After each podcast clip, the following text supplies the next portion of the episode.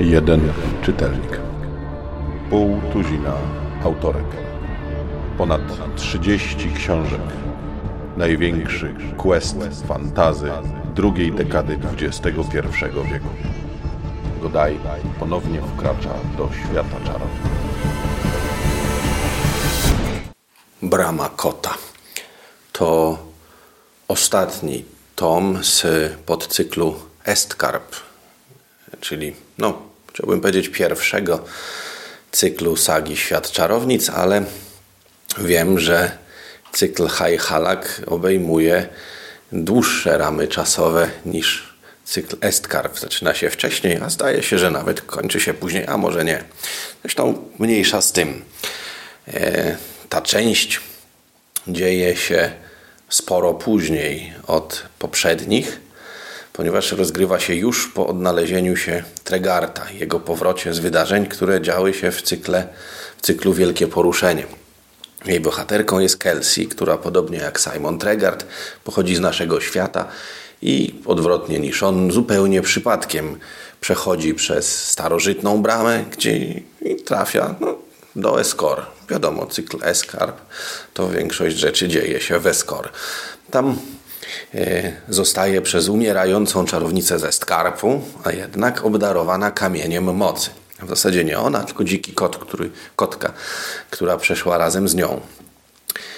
No i potem zaczyna się quest. Występuje tam Jonan, który pojawił się pierwszy raz w magicznych mieczach. Występuje też inna czarownica przy okazji. Okazuje się, że czarownice ze Skarpu jak najbardziej mają imiona. E, I tu nie mówię o tych super tajnych, których nikomu nie powierzają, tylko te takie zwykłe imiona, użytkowe, potoczne, codzienne, którymi posługują się. Ta trójka, czarownica, Kelsey i Jonan wyruszają na wyprawę, by odnaleźć źródło mocy kamieni. Mogę Wam tylko powiedzieć, że odnajdują i że wszystko kończy się dobrze. Natomiast jeśli chodzi o samą książkę, to no, tu jest różnie nie jest napisana najgorzej na tle kilku poprzednich e, tomów, nawet nieźle, ale ogólną bolączką e, tej książki, podobnie jak już to wcześniej bywało, jest Geas, ponieważ Kelsey, e, kiedy przyjmuje klejnot czarownicy, przyjmuje jednocześnie na siebie misję i musi tę misję wypełnić. Zupełnie nieważne, czy chce, czy nie chce, a głównie nie chce, musi ją wypełnić. I przyznam szczerze, że sposób prowadzenia fabuły polegającym na tym, że Kelsey idzie, bo ją klejnot ciągnie, albo na przykład traci przytomność na dwa dni, odzyskuje ją i okazuje się, że przeszła pizdyliard kilometrów i jest gdzieś w ogóle na drugim końcu świata, w jakiejś dolinie i nie wie, co się dzieje, jest y, no, kiepskim pomysłem. Geas jako siła sprawcza dla fabuły po prostu się nie sprawdza według mnie. I dużo lepiej by było, gdyby oni tak wędrowali, szukali czegoś, bo coś, nie? Cokolwiek. Są takie fragmenty, gdzie uciekają przed pogonią, wikłają się w walkę albo e, penetrują starożytne lochy i labirynty.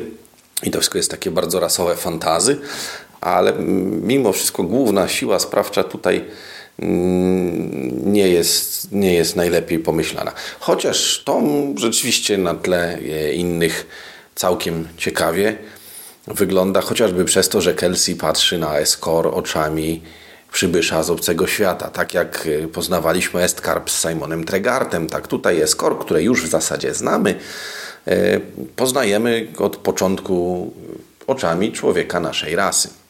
Jest to ciekawa rzecz.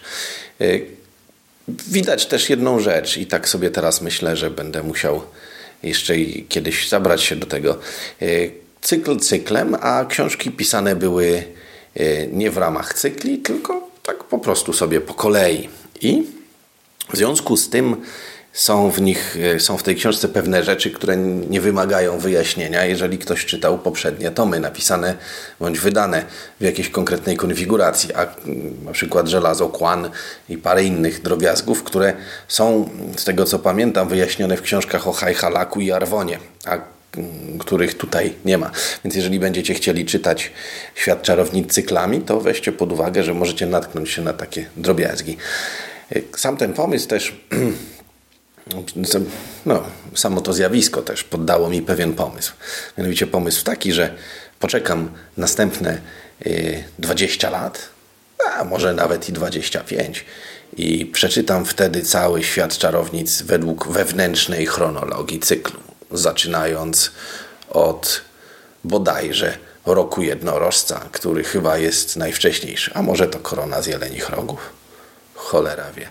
A na razie robię sobie małą przerwę od świata czarownic. Nie wiem na jak długo, ale na pewno na jakiś czas. I pora poczytać coś innego. Pozdrawiam.